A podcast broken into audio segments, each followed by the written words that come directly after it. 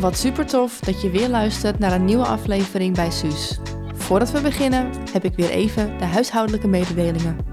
Zorg alsjeblieft dat je me volgt op Spotify en een beoordeling achterlaat na deze aflevering. Ik zou het ook heel leuk vinden als je me opzoekt op Instagram, podcast bij Suus. De afgelopen afleveringen ben ik naar de mensen toegereden om het verhaal op te nemen, maar vandaag heb ik hier bij mij aan tafel Christian. Een korte intro over dit verhaal. Christian is op jonge leeftijd zijn moeder verloren en de manier waarop is vrij heftig. Voor de rest laat ik nu het woord aan Christian. Ehm, nou, ik denk dat het goed is om te beginnen. ehm, dat voordat ik mijn verhaal aan je vertel, om misschien eerst eens wat te vertellen over mijn jeugd, waar ik vandaan kom. En dan komen we vanzelf tot het verhaal. Ja, ik, ik denk dat je toch echt even moet uitleggen uit welke, welk deel van Nederland je vandaan komt. Want... Nou, dat horen ze vast. Nou, nee, ehm, ik ben eh, geboren en getogen in het oosten van Nederland. Joh, Jazeker. Ehm en wel te verstaan in het hele kleine plaatsje Borne. Dat is een plaatsje tussen Almelo en Hengelo in dit geval. En daar ben ik opgegroeid samen met mijn vader en mijn moeder. ehm, en mijn broer en mijn zus. En eigenlijk een heel modaal, normaal zou je bijna zeggen, gezin. In een, eh, een arbeiderswijk. In een rijtjeswoning. Waar we het eigenlijk best wel goed hadden met elkaar. Mijn vader die... eh, had een ijskowagen, zoals ze dat vroeger noemden. Hij ging eh, langs boerderijen met een, eh, een, ja, een ijskowagen. je moet toch even uitleggen wat dan zo'n ijskowagen inhoudt. Ja. ja, het is iets minder geromantiseerd als dat ik denk dat je het hebt. Ja, want ik denk nu echt gewoon aan de, de Amerikaanse setting... Ja, waarin een ijskoman voorbij komt met een leuk deuntje. Met zo'n dat belletje, kinderen- ja. maar dat zal waarschijnlijk helaas. niet het geval helaas. zijn. Ja, het is inderdaad niet zo'n geromantiseerd beeld als wat je misschien voor je hebt. Eh, het is eigenlijk gewoon een hele simpele vrachtauto waar een hele grote diepvrieskist op zit. Zo moet je het zien. En met die diepvrieskist reed hij eigenlijk rond. Nou, in het oosten heb je veel boerderijen. Eh, en daar had je vroeger nog niet de picknicks en de, en de, nou, de bestelbezorgers, noem ik het maar eventjes.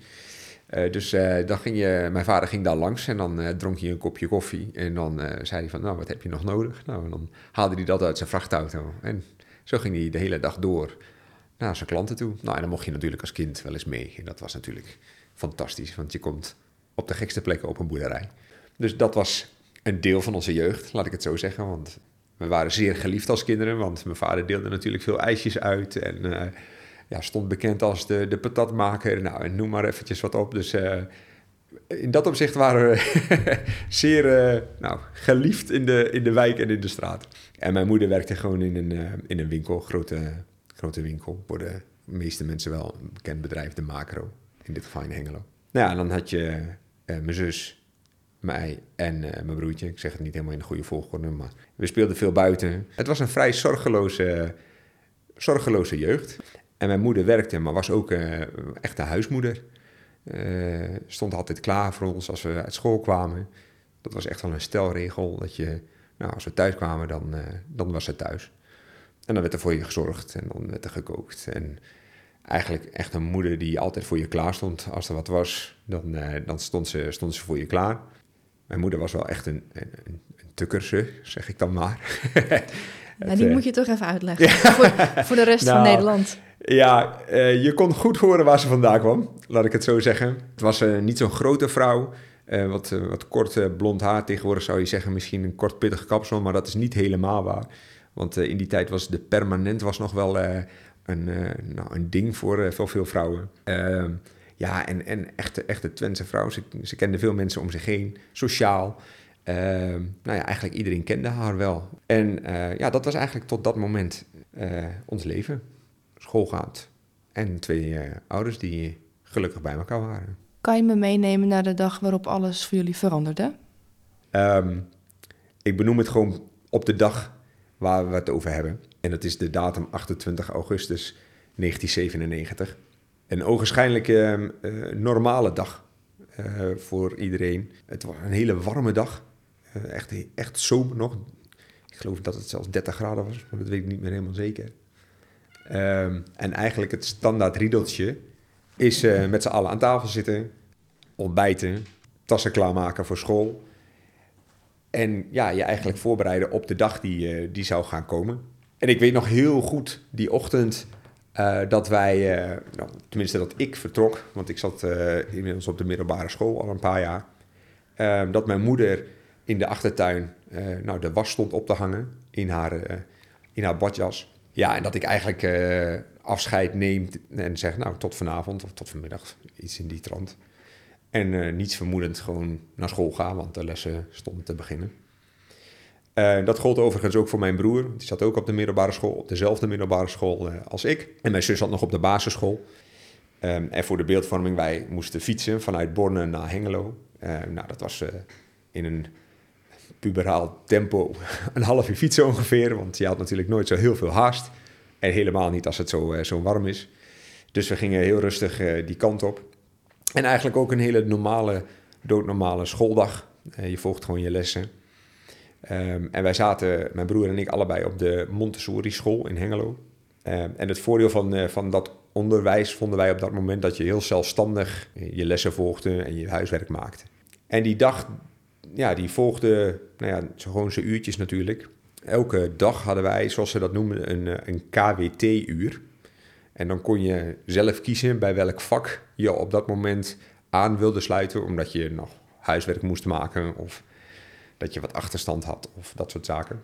Um, en we zaten in een vrij nieuw schoolgebouw. We waren net verhuisd van een heel oud schoolgebouw naar, naar nou, voor dat moment een heel modern schoolgebouw. Um, en ja, vanuit het niets kwam er een bericht uh, over de intercom of ik en mijn broer zich wilden melden bij de directie. Ik stond niet bekend als uh, een hele rebelse puber. Uh, nee, toch niet? Nee, oh. dat kwam veel later pas. Nee, ik, uh, ik stond eigenlijk best bekend als brave leerling. Dus jij hebt doodsangsten uitgestaan. Jij dacht, waarom moet ik in hemelsnaam daarheen? Of wat heeft mijn broer gedaan? Nou, dat, vooral dat laatste. Ah. Mijn allereerste reactie was, wat heeft mijn broer uitgehaald? Want mijn broer stond vooral bekend om zijn nou, zijn brani en zijn, nou, zijn vechtersmentaliteit en af en toe een, grote bek. Dus ik was eigenlijk direct dat ik dacht, het zal toch niet. Dus nou, niets vermoedend. Uh, ik weet nog dat ik op de eerste verdieping zat bij Duits. En ik loop niets vermoedend de trap af met mijn spulletjes en ik loop naar de ruimte van de, van de directie. En ik zie mijn broer al zitten. En dat vond ik eigenlijk al best vreemd, want mijn broer sneller dan ik. Uh, met de aanname, hij heeft wat uitgehaald. Uh, dat klopte voor mijn beeld niet helemaal. En uh, op het moment dat ik ga zitten, uh, we hadden twee directeuren, een mannelijke en een vrouwelijke. En ze gingen allebei tegenover ons zitten. Dus ik had echt zoiets van, er is echt iets niet, niet goed. Er is echt iets aan de hand. Was je zenuwachtig? Ehm, nou, je gaat wel van alles in je hoofd halen. Wat, eh, wat speelt er? Wat is er aan de hand, inderdaad, die vraag. En je kijkt je broer een keer aan, zo van... Heb jij iets uitgehaald? En hij kijkt jou aan, zo van, weet jij van iets? Hoe oud waren jullie op dat moment? Ja, ik was 13, uh, mijn broer 11. Uh, dus beginnende tieners, om het maar even zo, uh, te zeggen. maar ja, goed, je gaat zitten en je wacht maar af wat er, ja, wat er gaat komen. Ja, ze gaan zitten tegenover je. En ehm, de directrice in dit geval, die sprak ons nou, aan. En uh, die gaf eigenlijk in een paar woorden aan uh, dat er echt wat ernstigs aan de hand was. En ze gaf aan dat ehm, mijn moeder een zwaar auto-ongeluk heeft gehad. En dan kun je in eerste instantie eigenlijk helemaal niet beseffen wat zegt ze nu eigenlijk. Um, en ik kijk mijn broer aan, weet ik nog heel goed. En mijn broer kijkt mij aan. En het eerste wat hij zegt is: ze leeft niet meer. Dat is het eerste wat hij zei. En ik hoor hem dat zeggen. En ik kijk hem aan. En, nou, ik werd een soort van gek in mijn hoofd op dat moment. En dat ik tegen hem zeg, maar vriend, wat zeg je nu precies? Je weet helemaal niet wat je zegt. Zeg niet zulke gekke dingen. Je reageert vrij geschrokken op de reactie van je broer. Werd je er bang van dat je daarom zo heftig reageerde? Nou ja, ik weet nog dat ik dacht, ja, maar zo iemand zou dat dan toch wel zeggen. En ja, dood. Uh, ja, hoezo dood? Uh, ze is nog jong, ze is moeder. Ze is, alles in je schreeuwt dat iemand kan niet dood zijn. Uh, een ongeluk kan iedereen overkomen, maar dood, jongens, je gaat niet zomaar dood. Dus ik vond die reactie heel heftig vanuit hem. Om, om, om dat überhaupt al zo snel te zeggen. Eh, Hoe eh, hebben zij jullie daarna verder begeleid? dan gaat er eigenlijk een, een hele rollercoaster eh, wordt er gestart. Want je schooldag is voorbij. Er werd ons direct gezegd, we gaan het volgende doen. Jullie laten je fietsen hier staan en jullie stappen bij de directrice in dit geval in de auto. En dan rijden we naar Borne vanuit Hengelo. En dat was het eigenlijk. Het werd heel bazaal gehouden. We, kregen ook niet te horen waar we naartoe zouden gaan. We moesten er maar gewoon op vertrouwen. Dat is iets wat later pas eh, ben gaan beseffen. Eh, ik heb er toen helemaal niet nagedacht over waar gaan we dan naartoe. We moesten weg, dat was eigenlijk het signaal.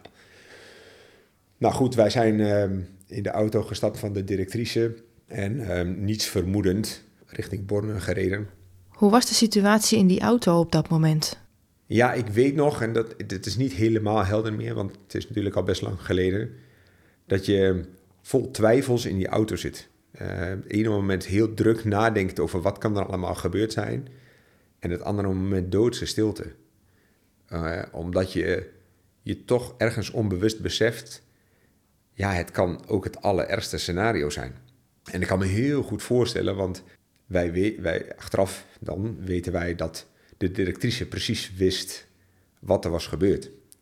Eh, dus voor haar lijkt het me heel heftig geweest te zijn om twee van die tieners in je auto te hebben, die niets vermoedend ja, naar een situatie gebracht worden die hun leven eigenlijk op de kop gaat zetten. Ik denk dat zo'n autorit wel heel zwaar is geweest. Ja, ik heb me later wel eens beseft hoe knap het is wat ze hebben gedaan. Welke informatie ze wel gedeeld hebben en welke niet. En hoe knap het eigenlijk is dat ze ons, nou ja, zonder heel veel inhoud te vertellen, eigenlijk gebracht hebben naar onze familie. Ik had niet graag in hun schoenen eh, gestaan. Ik weet niet of ik dat zo eh, zonder emoties te tonen, laat ik het zo zeggen, zou, eh, zou kunnen. Ik vind dat, ik vind dat best wel knap als volwassene kun je heel goed met een masker op iets doen. Eh, Daar zijn kinderen minder goed in. Ja, maar ik denk dat je als volwassene op dat moment ook wel aanvoelt dat dit niet aan jou is om het te vertellen. Nee, klopt. Maar je wordt er wel onbedoeld en on, ja, ongewild mee opgezadeld als, eh, Zeker. als directie van, van een school. Dus je wordt in een situatie gedwongen ja, waar je je niet op kan voorbereiden. En dan ga je uiteindelijk die rit tegemoet. Hè, en, nou ja, wat ik net al aangaf. Het is een beetje een rit waar allerlei emoties de revue passeren. Van stilte naar, naar bijna hyperdrukte. Want wat gebeurt er allemaal? Nou ja. Eh, maar ik weet nog dat wij eh, aankwamen in Borne en wij werden niet naar ons ouderlijk huis gebracht. Dat kan ik me nog heel goed beseffen. Als je vanuit Hengelo richting Borne reed. eh, dat, voor mensen die dat dan kennen, via de Bornse straat, zoals ze dat noemen, dus niet via de snelweg. Eh, dan reed je Borne in. En dan, eh, ja, dan reed je eigenlijk dwars door Borne heen. En eh, dan had je een kruispunt en dan ging je linksaf, ging je een spoorweg over en rechtdoor reed je eigenlijk verder Borne in. En dat is wat we deden. Wij zouden normaliter naar links gereden zijn. Uh, maar wij reden rechtdoor. En dat was, dat was voor ons een, een, de grootste verwarring van de rit. En ik kan me zelfs herinneren dat wij zelfs zeiden van... Maar je moet hier naar links. Want daar is waar we wonen. Uh, en toen kregen wij te horen waar ze wel naartoe moest rijden. En dat was uh, naar het huis van mijn oom en tante. Die aan de andere kant van Bonn uh, woonden op dat moment. Uh, en dat gaf bij ons echt onrust. Ik weet nog dat wij daarop zeiden van, maar wat moeten wij daar? Het is niet dat we daar heel veel contact mee hadden. Ja, en dan kom je aan in de straat. Ze stopt niet helemaal uh, recht voor het huis, kan ik me nog herinneren. Ze houdt wat afstand ten opzichte van, uh, van die woning. Nou, we stappen uit die auto. Uh, het enige wat ons opviel is dat het in huis best druk was. Er stonden veel mensen, Um, kon ze niet herkennen, want ja, geen idee. En wij stonden voor, uh, nou, voor de deur te wachten. En op het moment dat de voordeur open gaat, zien wij mijn tante, uh, de vrouw van mijn oom, de broer van mijn moeder in dit geval, de deur openen en eigenlijk direct op haar knieën voor ons staan. Ze gaat op de knieën Ze pakt ons in beide armen, pakt ze een van ons. En dan spreekt ze uit dat, ehm, dat ze is overleden. En dat, ehm, ja, dat ze er niet meer is. Ja, dat moment, dat vergeet je nooit weer natuurlijk. Omdat het zo'n impactvolle mededeling is die je krijgt, die de wereld op zijn kop zet. Wat gaat er dan in die kleine kinderhoofdjes om? Er gaat zoveel door je heen, wat je niet kan omschrijven. Het is alsof je in een of ander zwart gat valt. De grond onder je voeten verdwijnt. Je het besef hebt dat, dat het niet waar is. Dat het niet waar kan zijn ook. Nou, je zou bijna zeggen dat het een grap is. Dat het, dat, dat het gewoon jou niet kan overkomen. Totale ja, onbegrip. Totaal, ja, hoe zou ik het moeten uitleggen? Zeker op die leeftijd. Voor je gevoel zijn je ouders er altijd en die zullen er ook altijd zijn. Ik bedoel, ouders zijn onsterfelijk, die gaan nooit Ja. dood, die worden niet oud. Ehm, dus ik kan me helemaal voorstellen dat je denkt, wat zeg jij nou? Ja, dat is, ik denk dat dat voor elk kind geldt. Elk kind denkt, denkt zo over zijn ouders. Ja, je ouders zullen een keer sterven, maar meestal als ze oud zijn. Hè, Ja, maar dat besef heb je ook pas later als je echt een beetje, weet je, dat jongvolwassene begint te Ja. worden. Dan pas krijg je een beetje dat hele zo van leven en dood. Weet je, op die leeftijd van jullie zit je misschien nog net op de roze wolk van Onbezorgd. ouders zijn superhelden en die Ja. zijn er voor altijd. Nee, de dood is geen onderdeel van het leven op dat moment. Ik had tot op dat moment ook nog nooit meegemaakt dat een bekende of iemand die ik kende eh, was overleden. Maar dit was mijn allereerste ervaring met ja, de dood. En het gevoel dat het, dan is het ook nog iemand direct die heel dichtbij staat, want het is je moeder. Hè, dus voor elk kind is zijn moeder en niks ten nadele van vaders, maar de moeder is alles. De speel waar het om draait in elk huis. En die is er dan niet meer. Die ga je niet meer spreken. Die ga je niet meer zien. Daar ga je geen leuke dingen mee doen. Want dat is wel vrij vlot het besef wat binnenkomt. Er is nooit meer iets wat je samen gaat doen. En dat landt heel snel. Dat besef, ja, dat is gewoon intens verdriet. Kan je met geen pen beschrijven. Weet jij nog hoe jouw broer reageerde op dat nieuws? Ja. Het eerste wat hij zei, zie je wel. Ik vergeet dat nooit weer. Nooit weer. Dat, dat ik, ik was nog zo boos op hem op school dat hij dat zei. En ik heb het, nou misschien tot op de dag van vandaag, wel bizar gevonden dat hij dat heeft gezegd. En dat het ook nog zo bleek te zijn. Ja, en dan, dan opent zich een, een rollercoaster die zijn weergaan niet kent. Want er komt zoveel op je af. Borne is niet zo'n heel groot dorp. Eh, dus het nieuws verspreidt zich snel. Ehm, en voor je ja, de beeldvorming eventjes. eh, mijn broer en ik waren terecht, om het even zo te zeggen. Maar er waren natuurlijk meer familieleden die daarbij op de hoogte gebracht moesten gaan worden. En het was natuurlijk niet het tijdperk van de mobiele telefoons. Nee, de mobiele telefoon was in opkomst. Eh, mijn Ja. vader had een, eh, een, een soort van mobiele telefoon. Eh, maar dan moest je, die kon je meedragen thuis en, en in de auto. Maar dan moest je ergens bij een bepaalde paal moest je gaan staan. en dan kon je bellen, mobiel bellen. Eh, nou, dat tijdperk praten we over. Dus geen iPhones en nou, noem even smartphones en dat soort dingen op. Geen 360-appjes waarin Nee. je elkaar kan volgen. Nee, Nee. Al, al, dat, eh, al dat soort scenario's waren niet aanwezig. Dus dit was gewoon echt nog een zoektocht. Echt op zoek naar de mensen achter de familie. En ik weet nog dat ze mijn vader niet hebben kunnen vinden eh, in eerste instantie. Mijn zus werd wel vrij snel gevonden, want die zat op de basisschool. En dat was echt om de hoek. Dus die is keurig van school gehaald. Maar daarvoor is eh, ja, mijn vader getraceerd op zijn werk. En hij werkte op dat moment in Enschede. Hij was toen de tijd niet meer de ijscommand zoals ik hem eh, net introduceerde. Hij werkte op dat moment bij een hypotheekkantoor als adviseur. Dat is ook wel een hele carrière switch. ja, ja, ja, mijn vader heeft een eh, enorme carrière switch eh, gemaakt, inderdaad. Van, eh, van heel veel vrijheid naar kantoor. Ja. Uiteindelijk wisten ze waar hij, waar hij op dat moment werkte. Daar zijn ze met twee politiemannen zijn ze naartoe gegaan. vervolgens is daar de directie inge, ingelicht over wat er nou ja, aan zit te komen. Want ze moeten mijn vader gaan vertellen dat zijn vrouw niet meer leeft. Mijn vader is op dat moment 42. De gedachte alleen al, gewoon als ik me dan daarin moet gaan verplaatsen. Ja. Ik word er helemaal naar van. Ehm, terwijl ik het nu met je bespreek, zie ik een soort van herbeleving. Dus dat vind ik best wel heftig, want het is lang geleden. En ik wist voor mezelf wel dat ik dit, want ik ben heel erg beeldmakend, uh, dat ik dit zou herbeleven. En ik, deze situatie heb ik natuurlijk helemaal niet gezien, maar ik weet waar het was en ik weet precies uh, hoe het gegaan is, omdat ik het natuurlijk heb gehoord. Ik heb helemaal spanning die opbouwt in mijn borst. Gewoon dat idee dat je dus de liefde van je leven, je partner, dat je dat bericht moet gaan krijgen. Goed, vertel.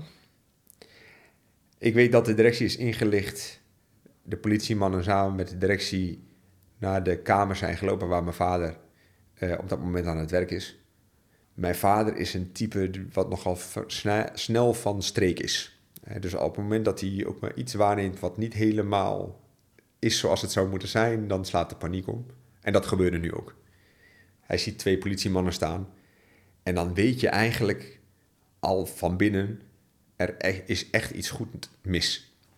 En ik weet dat hij gezegd heeft, wat is er aan de hand?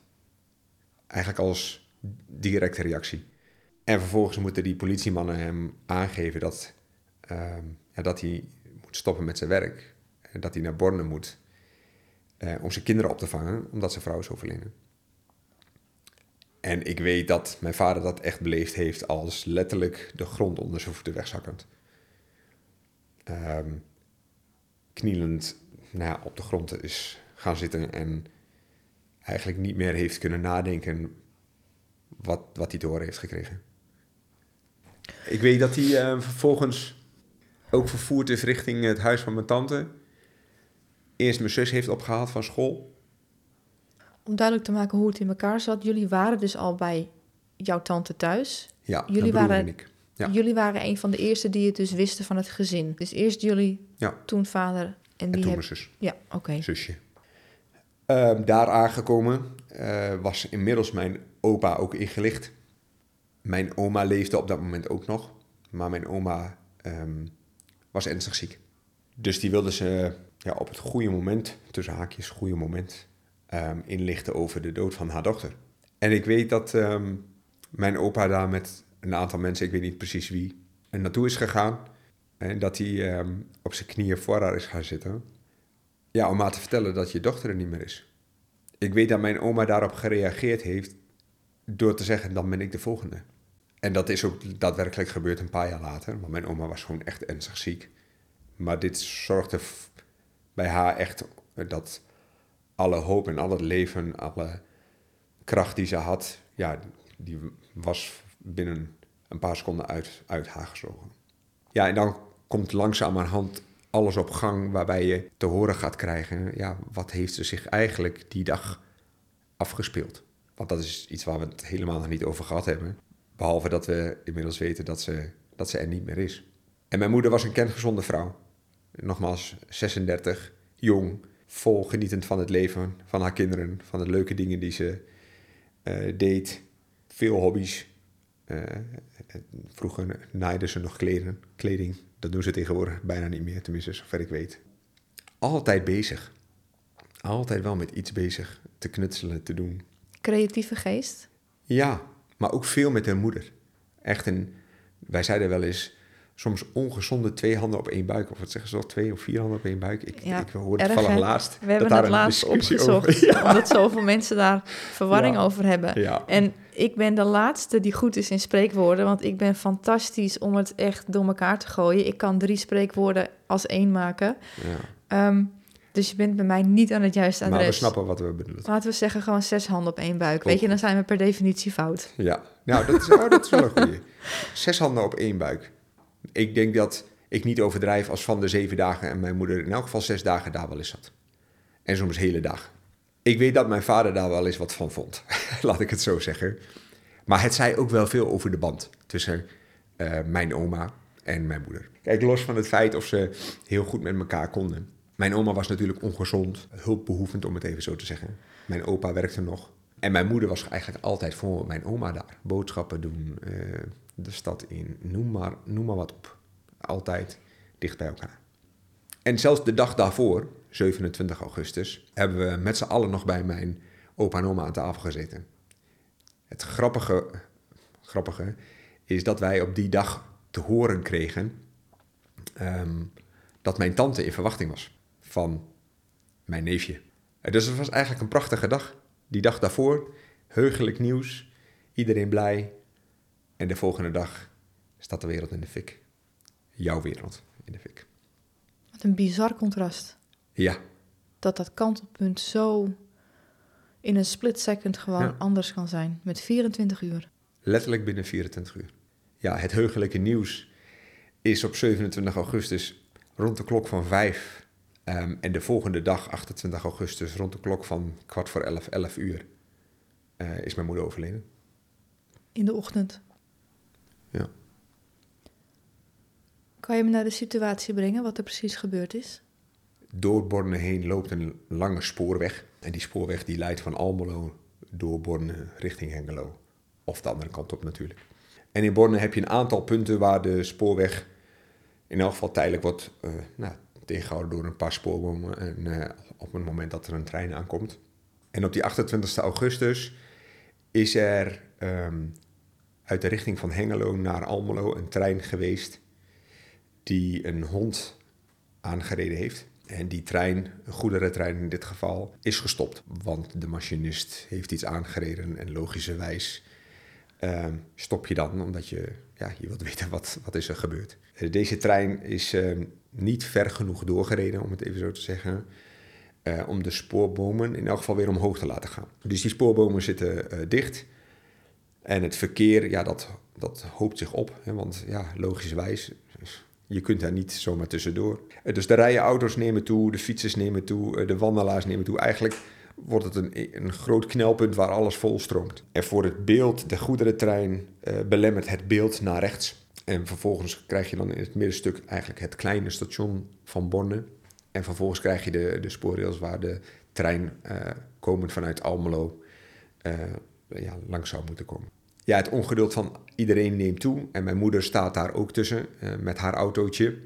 En vrij vlot zijn er eigenlijk de eerste mensen al die daar tussendoor gaan. Die zijn het wachten zat. Die denken voor de zoveelste keer, ja, het is weer raak. Dus laten we er maar tussendoor gaan. Er is een moment dat mijn moeder daar ook staat.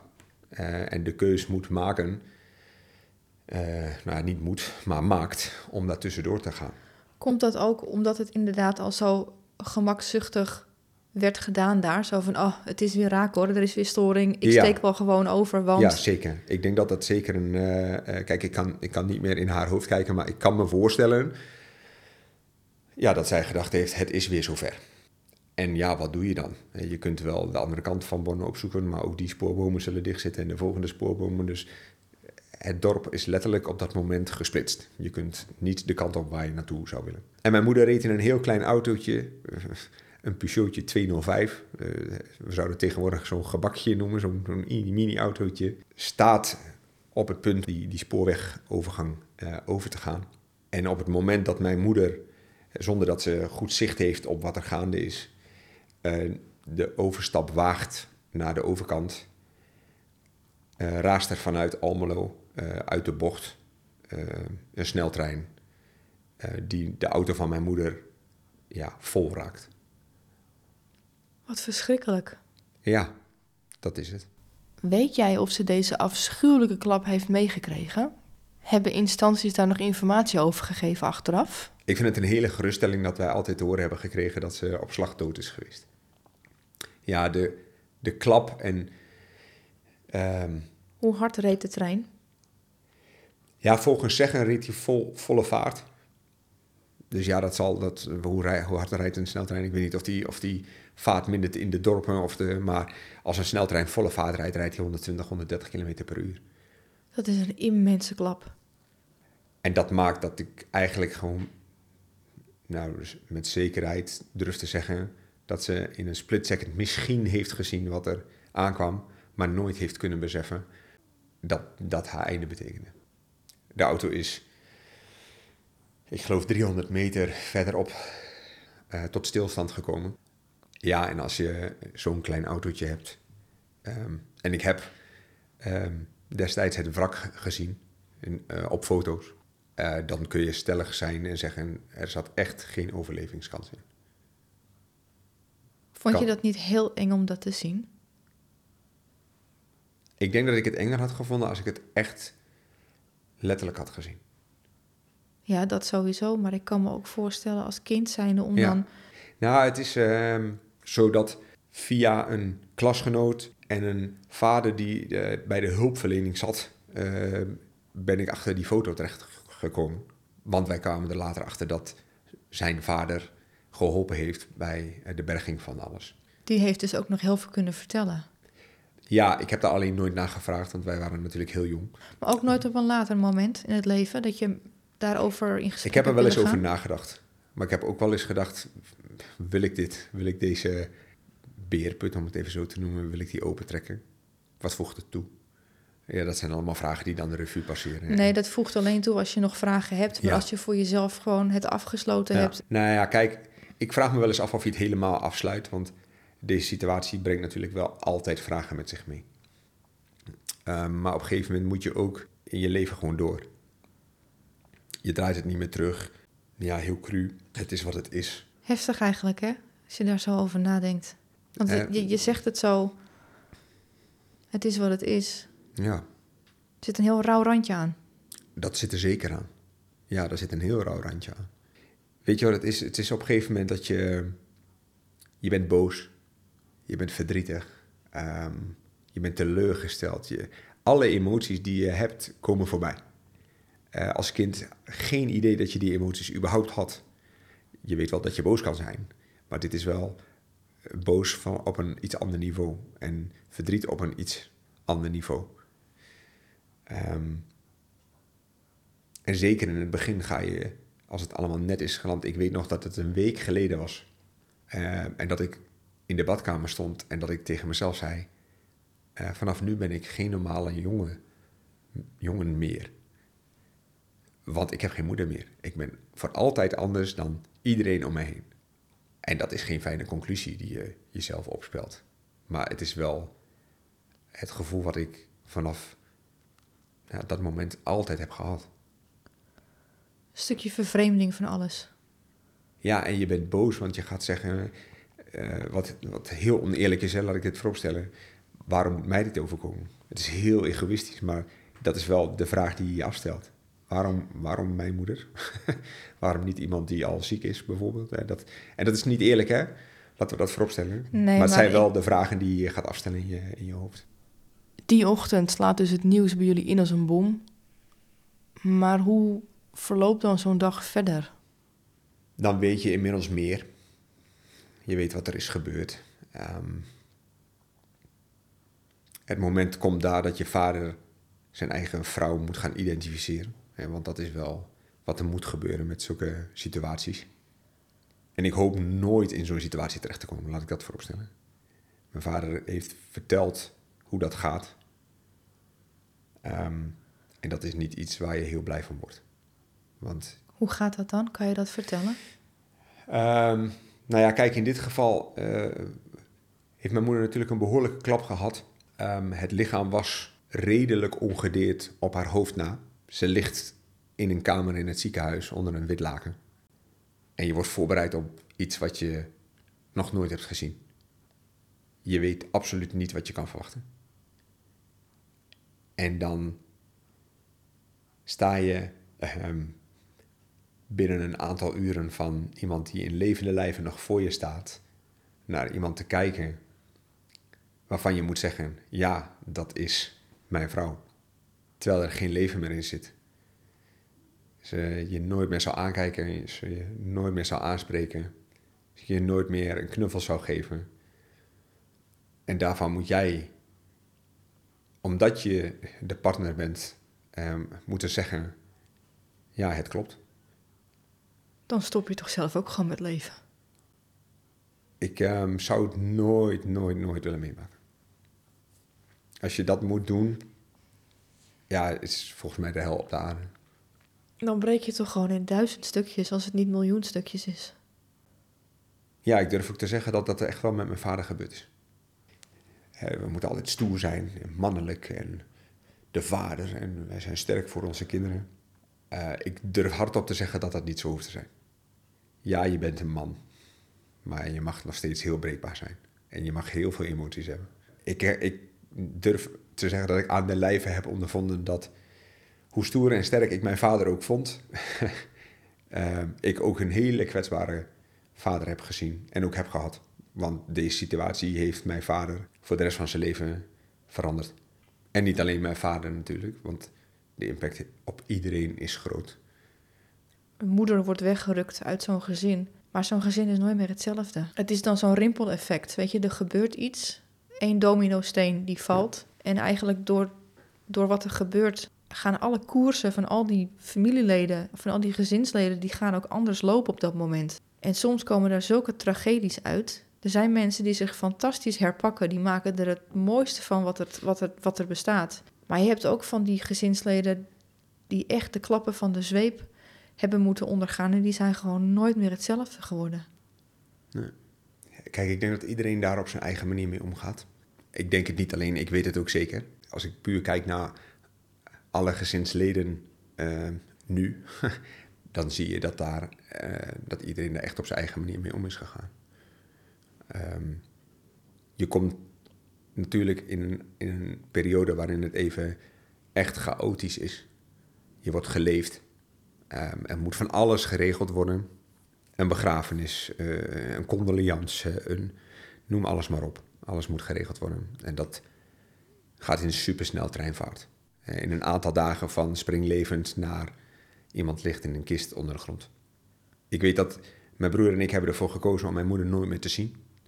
Um, voor ons was het momentum dat ze ochtends, uh, nee, laat ik voor mezelf spreken, dat ze ochtends het momentum afscheid van ons nam, hè, van wij gaan naar school. Dat is voor mij altijd het afscheid geweest. Zo heb ik het altijd gezien en dat zie ik nog steeds zo. Mijn zus heeft het wel gedaan, waar ik haar overigens echt enorm voor bewonder, dat ze dat uh, op zo'n jonge leeftijd deed. Hoe oud was jouw zus op het moment dat ze jouw moeder nog voor het laatst wilde zien? Uh, zij was op dat moment negen. Dat is jong hoor. Ja. Heel erg knap van haar. Ja. ja, en dan kom je naarmate de tijd vordert. En dan wordt er toch eigenlijk vrij vlot van je gevraagd om weer in het, in het leven te stappen, om het even zo te zeggen. De dagelijkse bezigheden, ja, maar weer te gaan ja, doen. Uh, weet je, wat voor jullie staat de wereld gewoon stil. Ja. En dat lijkt me. Kijk, we kennen het allemaal wel. Dat je even niet wil meedraaien met het leven. Maar als je dan zo'n verlies moet lijden om dan vervolgens weer door te gaan met het leven, terwijl jij denkt, ja, maar weet je, mijn hele leven ligt nu gewoon naar gruzelementen. En toch wordt het van je verwacht. Ik kan me niet herinneren of we door instanties zijn benaderd om, om hulp of dat soort zaken. Dat kan ik me echt niet herinneren. Ik weet dat we vrij snel weer naar school gingen. En dan sta je bekend als de jongen waarvan zijn moeder is overleden. Mijn vader heeft heel veel moeite gehad om weer in het arbeidsproces te geraken. Ook omdat mijn vader psychisch en geestelijk gewoon eigenlijk niet meer in staat was om echt te functioneren. Een zeer groot verantwoordelijkheidsgevoel heeft en had destijds ten opzichte van zijn kinderen. En maar het eigenlijk gewoon niet kon bolwerken. Uh, ik kan me nog een situatie herinneren dat op een gegeven moment uh, mijn vader niet eens in staat was om zichzelf aan te kleden. En dat ik mijn vader als, als knaapje uh, ja, zijn kleren aandeed.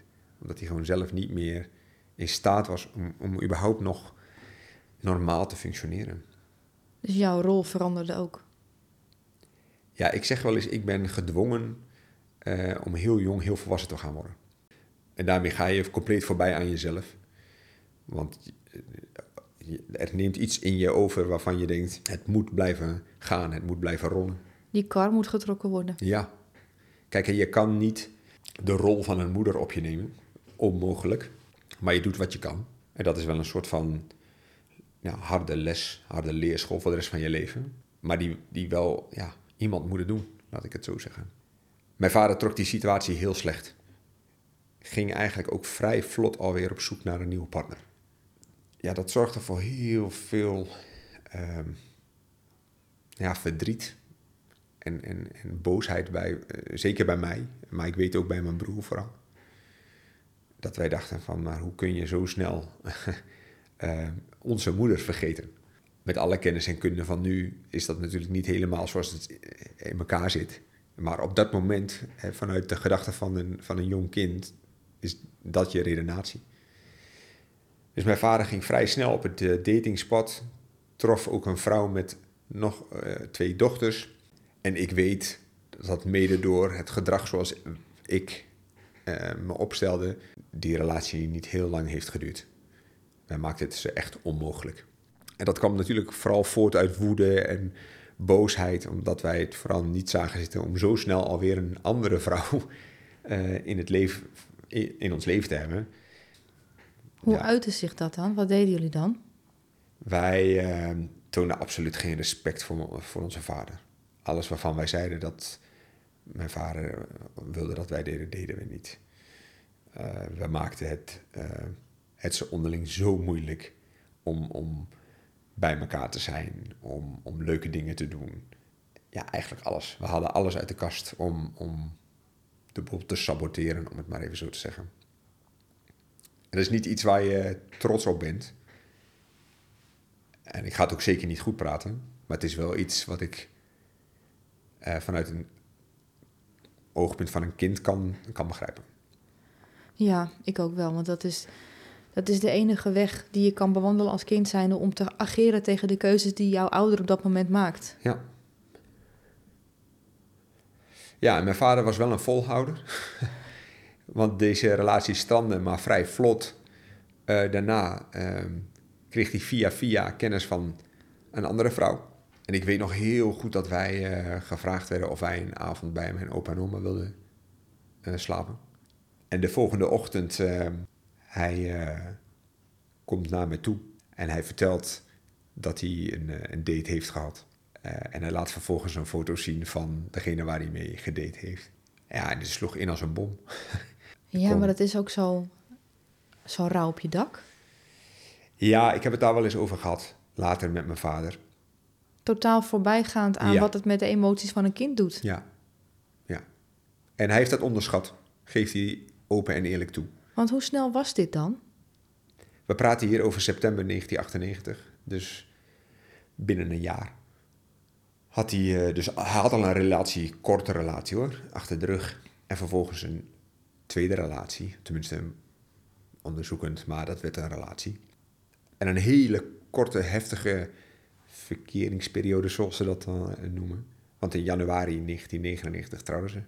Dus binnen anderhalf jaar eh, hertrouwde mijn vader met een vrouw die wij niet accepteerden als kinderen, maar ook gewoon compleet het tegenovergestelde was van mijn moeder.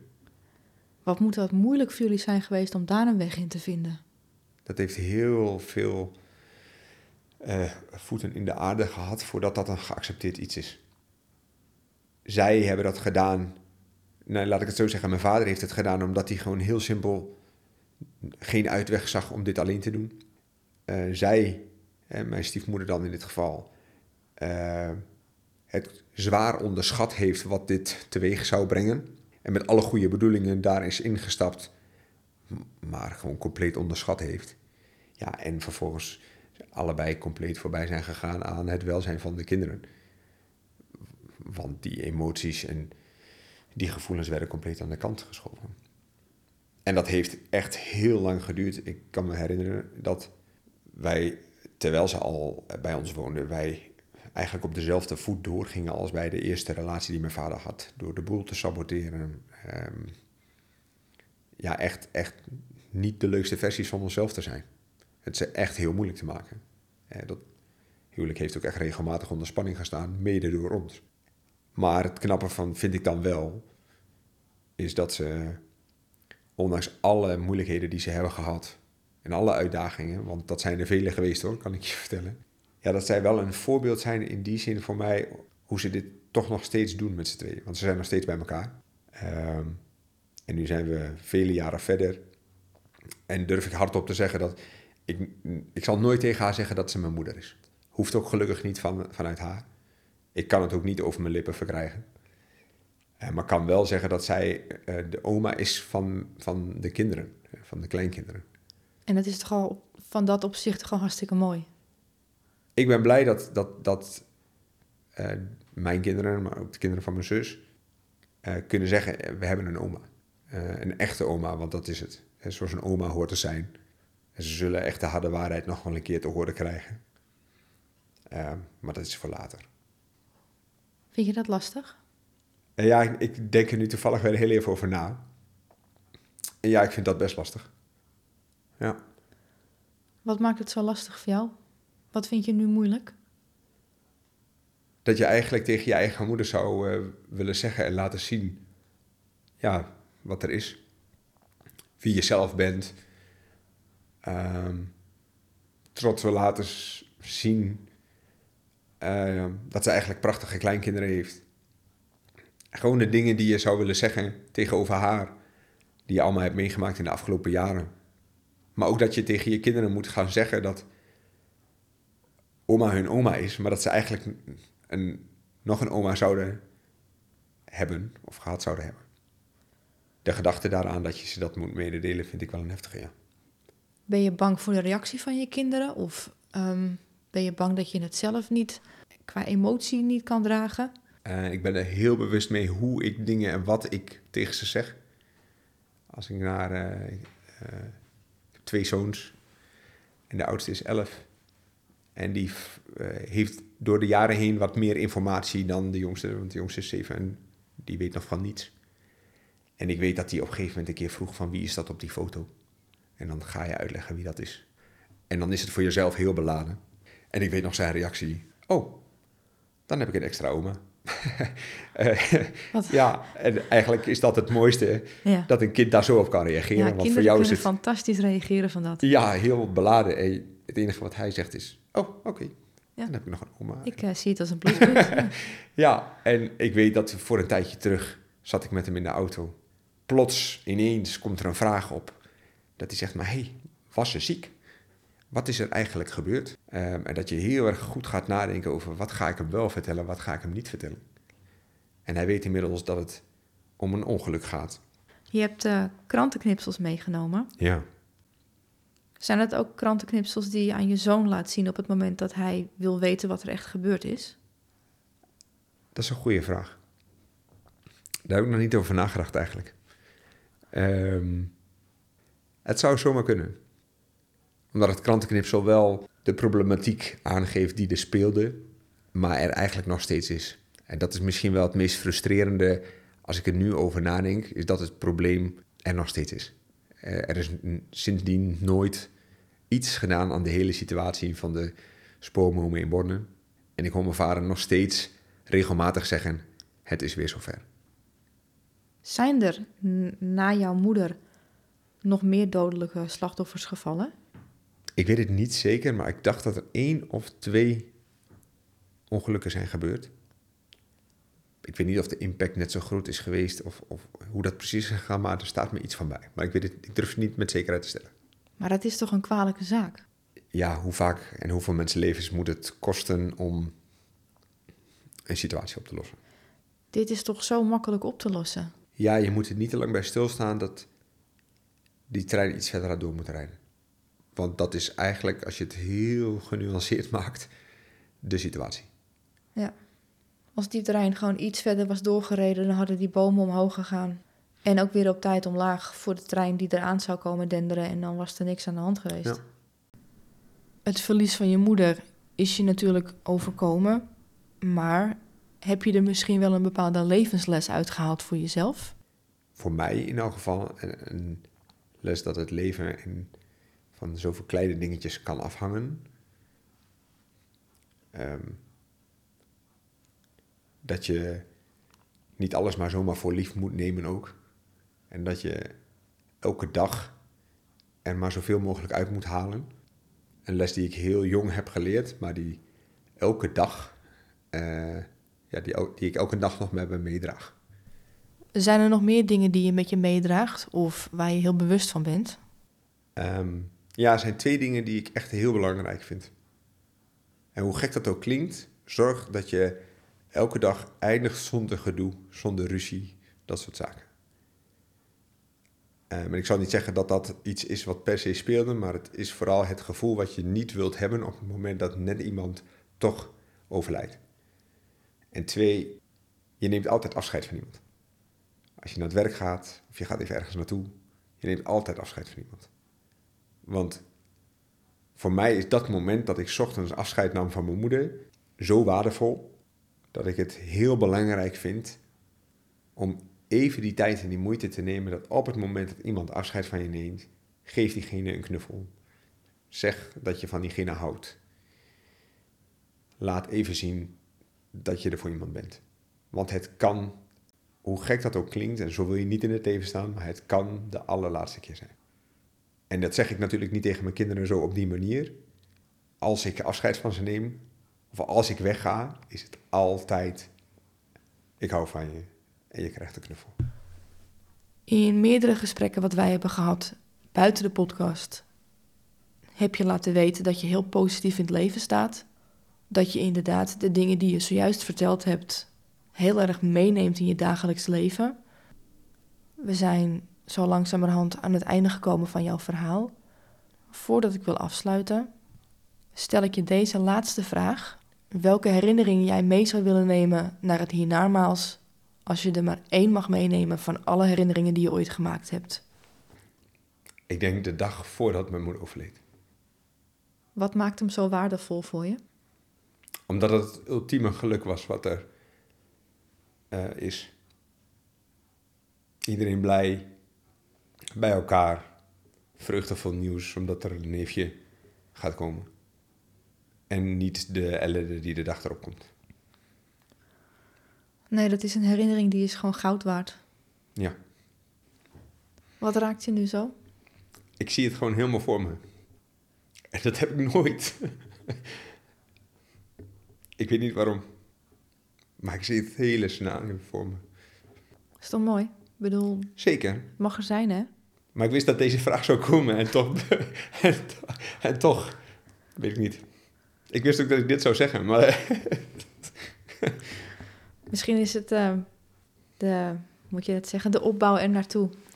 Ja, misschien is dat het wel, ja. Voordat we deze aflevering afsluiten, wil ik je vragen of je nog iets wil mededelen of iets wil toevoegen. Ja, ik vind het gewoon, ik wil vooral jou bedanken dat, ja, dat we dit samen mochten doen. Ik vind het mooi om dit met jou te mogen doen en, en, en te delen. Um, dus ja, dankjewel daarvoor. Ja, nee, jij bedankt. We zijn aan het einde gekomen van deze aflevering. Dankjewel voor het luisteren naar het verhaal van Christian. Laat op Spotify even een beoordeling achter. Zorg ervoor dat je mijn podcast volgt. En op Instagram plaats ik aanvullende informatie over deze aflevering. Podcast bij Suus. Tot de volgende keer!